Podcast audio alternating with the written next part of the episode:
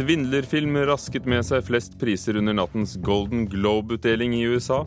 Vår kritiker har sett Reksten, firmaets mann, teaterstykket om skipsrederen og en av 70-tallets store skandaler. Og vi er til stede når Norges største filmfestival åpner i Tromsø i morges. Her i Kulturnytt i Nyhetsmorgen med Ugo Fermariello i studio. American Hustle hentet hjem tre Golden Globe-priser i natt. Prisen er USAs nest viktigste filmpris, og regnes som en pekepinn på hvilke filmer som kan komme til å vinne Oscar-statuetter i mars. Forhåndsfavoritten 'Twelve Years a Slave' fikk bare én av de syv prisene den var nominert til. Think about who you are. Do you think I would have taken that money if it wasn't the right thing to do?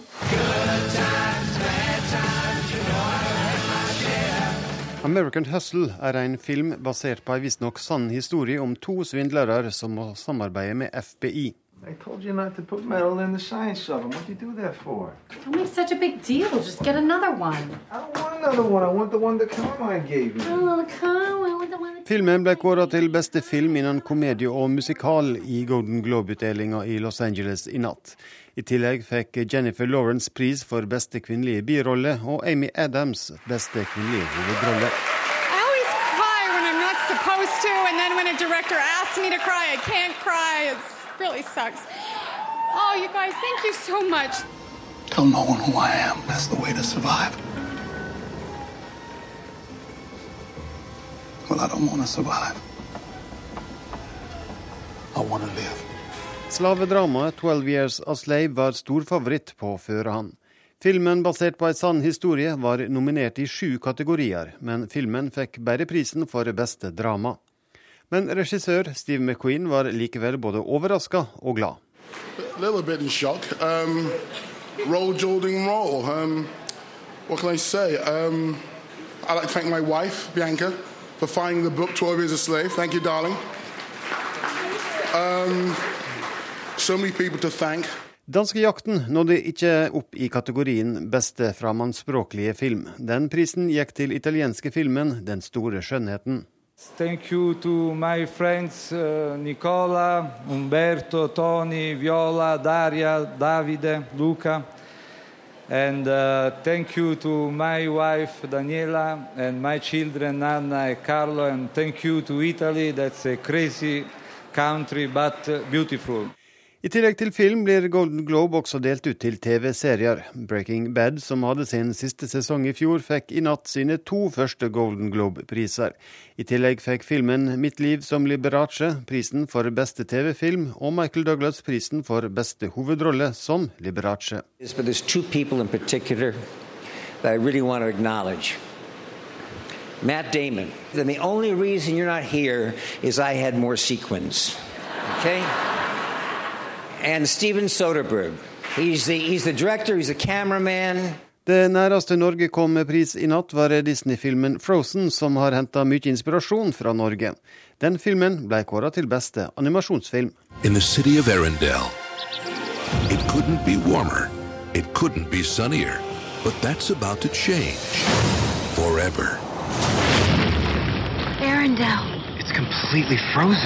Cold, cold, cold, cold, cold, cold, cold. Og reporter var eh, Espen Alnes. Rune Håkonsen, filmanmelder i Filmpolitiet i NRK. Hva tror du nattens priser som vi akkurat hørte om for å si for løpet mot Oscar-statuettene? Eh, Først og fremst at filmene American Hustle, eh, som da vant tre priser, og Dallas Buyers Club, som vant to priser, seiler opp som sterke konkurrenter til 12 Years a Slave, som fram til nå har vært sett på som den skal vi si, reneste Oscar-favoritten. Men nå virker det som at den får litt mer konkurranse enn kanskje venta. Hva slags filmer er dette? American Hustle er da en 70-tallsfilm som forteller om en stor skal vi si, svindeloperasjon som ble utført da. En ganske velkjent en som sådan i amerikansk populærkultur. Abscam-svindelen, rett og slett. Mens Dallas Buyers Club tar oss til 80-tallets Houston og det ganske harde aids-miljøet som eksisterte der før da aids-medisinene begynte å flyte fritt på det amerikanske markedet. Golden Globe er en pris som deles ut av Foreign Press Association, altså representanter for utenlandsk presse i Hollywood. Eh, hva er det som kjennetegner eh, juryen der i forhold til f.eks. Oscar-juryen? Går det an å si noe sånt? Eh, altså, det er jo da hovedsakelig journalister og, og, pressefolk som har stemt fram filmene, mens Oscar-utdelingen stemmes fram av Akademiet, hvor skuespillere og filmskaperne selv er medlemmer. Så det er nok noen ulikheter her, men, men, men samtidig så er likhetene over mange år vært så store at vi kan med trygg trygt øye si at vi ser noen tydelige tegn til hvordan Oscar-utdelingen vil, vil gå her. Det ble mye oppstuss rundt Golden Glove da den britiske komikeren Ricky Gervais ledet showet for eh, noen år siden. Og, det er jo blitt et yndet lite filmklipp å se på nettet for den som vil more seg. Eh, hvordan har eh, de nye programlederne gjort det?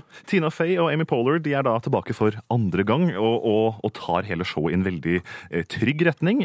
De drøye vitsene uteblir, og det er de gamle kjendisene som får lov til å få noen morsomheter på sin bekostning, men det er alt i alt et ganske trygt TV-show blitt. Og eh, rett og slett eh, kanskje litt for trygt, for det var ikke noen store skandaler under nattens utdeling. Verken fra skal si, utdelerne eller programlederne. Nå er jo du spesielt miljøskadet som filmkritiker, men er det et moro, en moro ting å se på? Det er absolutt det. Ikke minst fordi man får et lite blikk på hvordan de ulike filmstjernene og filmskaperne reagerer i litt uvante situasjoner. Jeg syns fra natten mest interessant å se Jennifer Lawrence, som de siste åra seila opp som verdens skal vi si, nesten ubestridte tenåringsstjerne, og nå snart eh, mainstream eh, filmstjerne også, eh, er fortsatt sjarmerende nervøs når hun skal opp og, og ta imot priser, på tross av sine enorme filmsuksesser.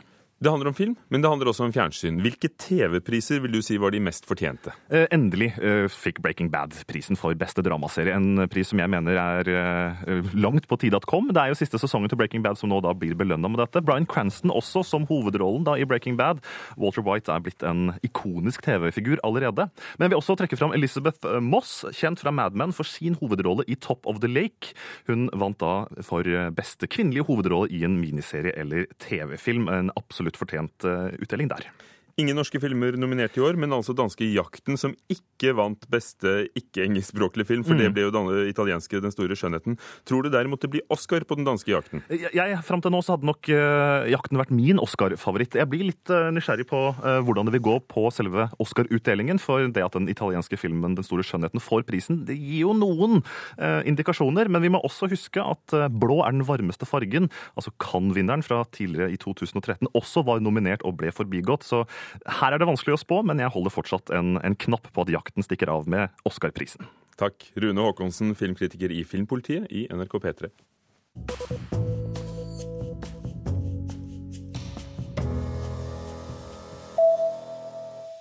Den norske designeren Fam Irvold har tegnet en kleskolleksjon for den verdensomspennende britiske butikkjeden Topshop. De ti eh, klesmodellene blir lagt ut for salg neste søndag i butikken i Oxford Street i London. Kolleksjonen er starten på et samarbeid mellom designeren og butikkjeden, forteller Fam Irvold. Det, det syns jeg er veldig kult. Jeg har jobba med det i fire eller fem år mot å bare få det til og hva jeg skulle lage og sånne ting. Det betyr jo flere kunder, og så betyr det jo kanskje flere butikker i England. Det er jo alltid en veldig fin ting å kunne si til andre butikker at man er på Topshop. Da er det ofte veldig mye mer interessant for de også. Og hvordan ser de ut? Plaggene som Fam Irvold har tegnet, det kan vi se på nrk.no, kultur på internett.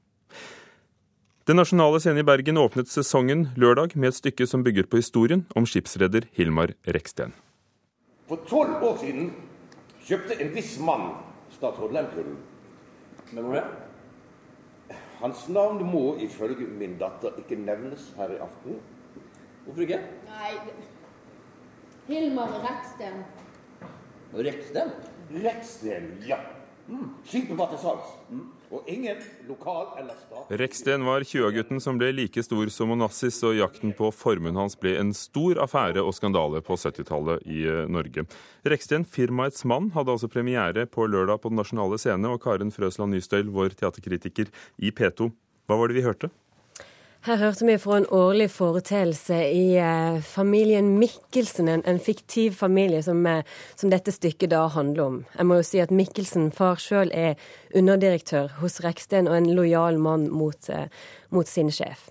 Hvert år den dagen Reksten eh, kjøpte statsråd Lemkull skipet og ga det til Bergen, så feirer de, som mange bergensere er glad i å gjøre, eh, de feirer at han, at han, ga skipet til Bergen. De har en stor modell av skipet på bordet, de har en liten, liten kanon som de fyrer av en salutt fra, og de heiser det norske flagget og, og, spiser en god middag eh, og takker Reksten da for, for, alt han har gjort for byen. Denne kvelden vi hørte fra nå, det er en litt spesiell kveld, for det er kvelden før dommen mot Reksten skal falle. Det er i hele dette i dette spennet at forestillinga ligger. Blir Reksten dømt i morgen? Blir han ikke? Hvilke konsekvenser får det for den familien som vi, som vi møter når vi sitter i teatersalen? Og det er, det er, mye spenning og mye nerve og mye som kan gå bra og mye som kan gå galt for denne familien. Og det er det teaterstykket handler om. Hilmar Reksten er en mann som fortsatt setter følelsene i sving. Bergens mm. Tiden hadde store artikler. De reiste til USA for å intervjue datteren hans eh, om historien. Teatersjefen sier hun har fått eh, anonyme brev eh, hvor publikum ber henne la det ligge. Hvorfor valgte Den nasjonale scene å sette opp et stykke om Reksten? Jeg tror Agnete Haaland, teatersjefen, tenker at dette dette er et samfunnsansvar, dette er det viktig at hun gjør. Da hun søkte jobben som teatersjef, så var dette å lage noe om Hilmar Reksten. Det var et av prosjektene hun virkelig ville gjennomføre. Og det er jo nå hun virkelig begynner å sette sitt preg på repertoaret. Så dette er et, et viktig stykke for henne. Jeg syns det er modig gjort, fordi her går hun i rette med, med holdninger blant mange innbyggere i den byen hun sitter som sjef for teatret for. Hun våger å pirke borti en, en, en rettsfølelse, da, eller, eller den, den stemninga som var i Bergen rundt, rundt Reksten, og som fremdeles er der, holdningene til hva Reksten gjorde. Han var jo byens store sønn. Så var han, viste det seg ettertid, jo òg en skurk. Og, og, det at så mange forsvarte han, selv om de kanskje visste at ikke han hadde rent mjøl i posen, det, det er det viktig at teatret gjør noe med. For det, det er jo oppdraget til teatret å pirke borti sånne ting. Men handler det om Reksten? Fordi han han er Vises ikke det. Nei, han er ikke på scenen i det hele tatt. Det handler om denne familien som der det dirrer av spenning før dommen neste dag, og der eh, bl.a. sønnen i huset jobber med økonomi for Eksten og har, viser det seg, løye i retten om penger som er plassert ut i utlandet.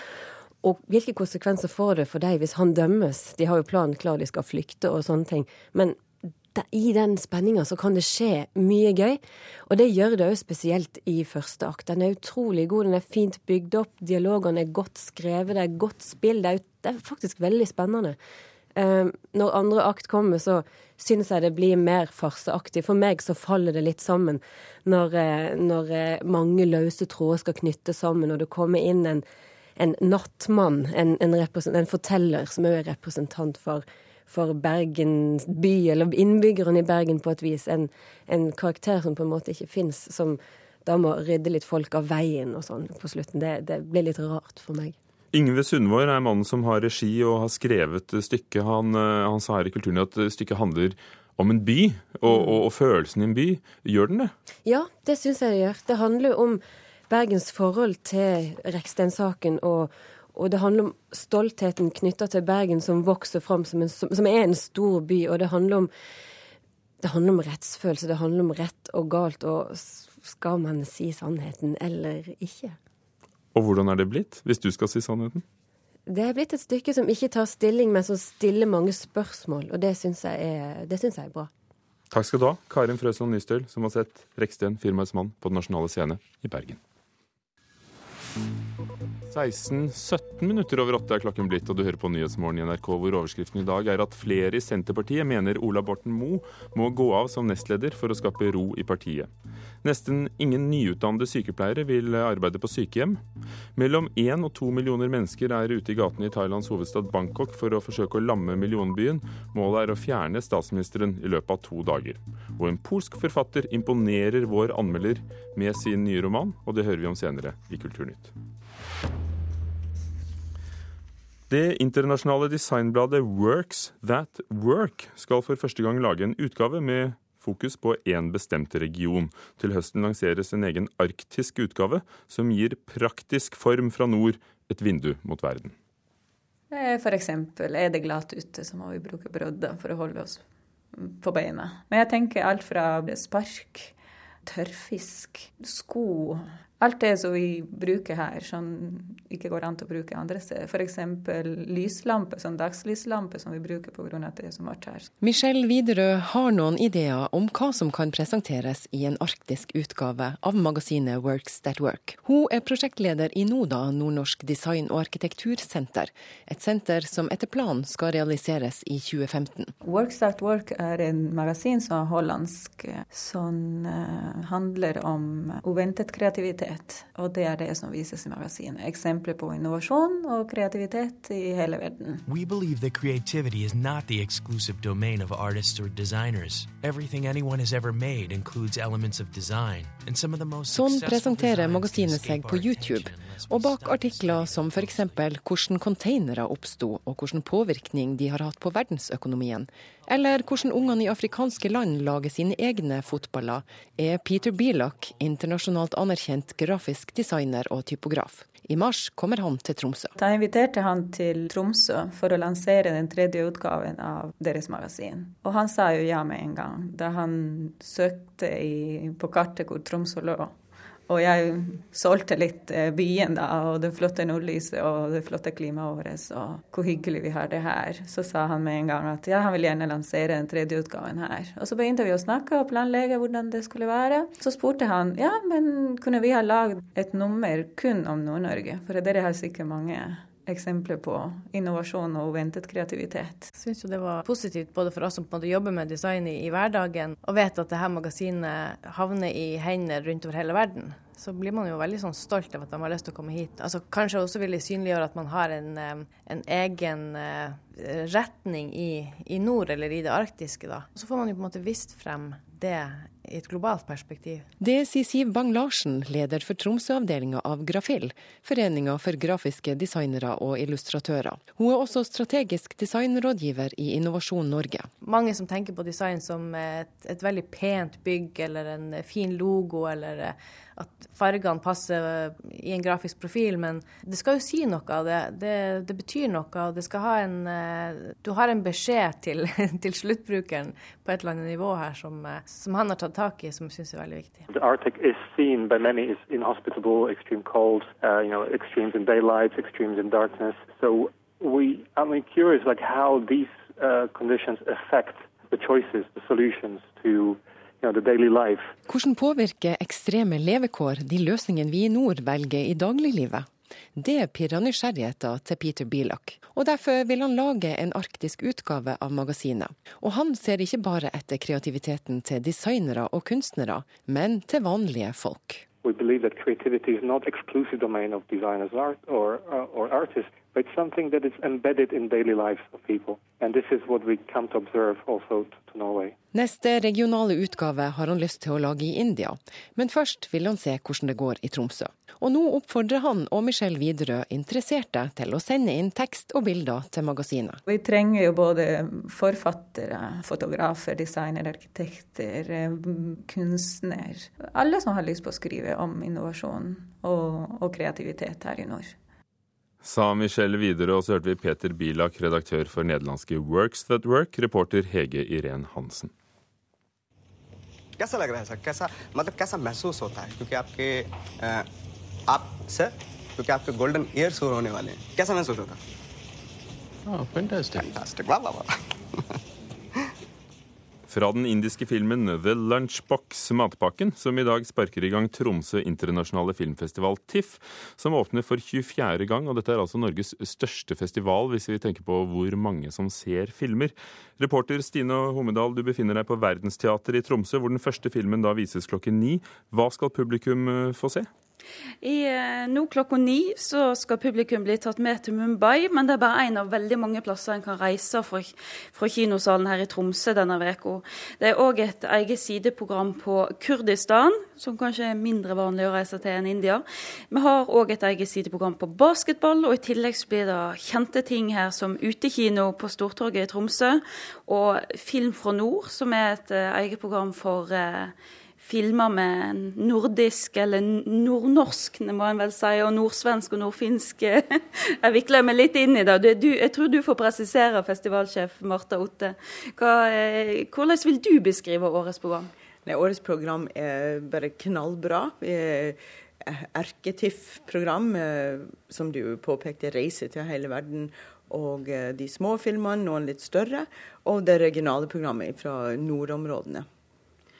Og eh, i kveld så er det jo da den offisielle åpningen for da man allerede kan eh, snikbegynne litt nå klokka ni her på Verdensteatret. Åpningsfilmen i år den er svensk, 'Meg eier ingen'. Hvorfor åpner denne filmen festivalen? Uh, først og fremst fordi det er en nydelig film. Uh, det har også regional, en regional uh, forankring. den er delvis spilt inn i Nord-Sverige, og vi har gode partnere der i Filmpol Nord. Så vi føler det at det en, gjør det til en, en film for oss. Og jeg tror det blir et veldig bra anslag for festivalen. Det er veldig viktig. Den første altså, åpningsfilmen setter litt tonen for hele festivalen. Og dette er en, en film som griper. Det er ikke fra fjerne strøk, det er fra nære strøk, men eh, likevel så handler det om, uh, om mennesket. Og det, det syns vi er riktig måte å starte på. Og eh, det er, Dere får prominent besøk av kulturminister Toril Vidvei. Hun skal møte filmbransjen for første gang i dag og eh, skal snakke til dere. Hva forventninger har du til hva hun har å komme med? Ja, nei, jeg er veldig spent på uh, jeg tror jeg er like spent på som alle andre. Vi har ikke noen signaler ennå enda på akkurat hva vi skal si. Men um, det er viktig at hun møter bransjen, og det er vi, vi er veldig glad for at, at, dette blir hennes første møte med bransjen her i Tromsø. Jeg tror det er viktig for bransjen å komme seg bort fra Oslo og få litt perspektiv på ting. Det, det, blir en helt annen ramme om den debatten om hvor norsk film går. Eh, og eh, til slutt så må jeg spørre, hva er ditt personlige filmfestivalhøydepunkt? Hva er det du ser mest fram til? Vel, det, det, i dag nå, litt før klokka ni når det braker løs her, så, så, er mitt fokus på åpningsfilmen. Altså meg eier ingen får en pressevisning nå, og, og så er det og så er det kvelden i kveld som står i fokus. Jeg gleder meg til de andre verdenspremierene vi har, men akkurat i dag så er det uh, meg eieringen med Mikki Persbrandt i hovedrollen. Takk skal du ha, eh, både reporter Stine Homedal og ikke minst festivalsjef for Tromsø internasjonale filmfestival, Marta Otte. Så vil jeg gjerne legge til at eh, Kjell Åke Andersson, som har regissert filmen 'Meg er i ringen' etter boken til Åsa Lindeborg, er gjest i ettermiddagens Kulturnytt klokken 16.30 i P2.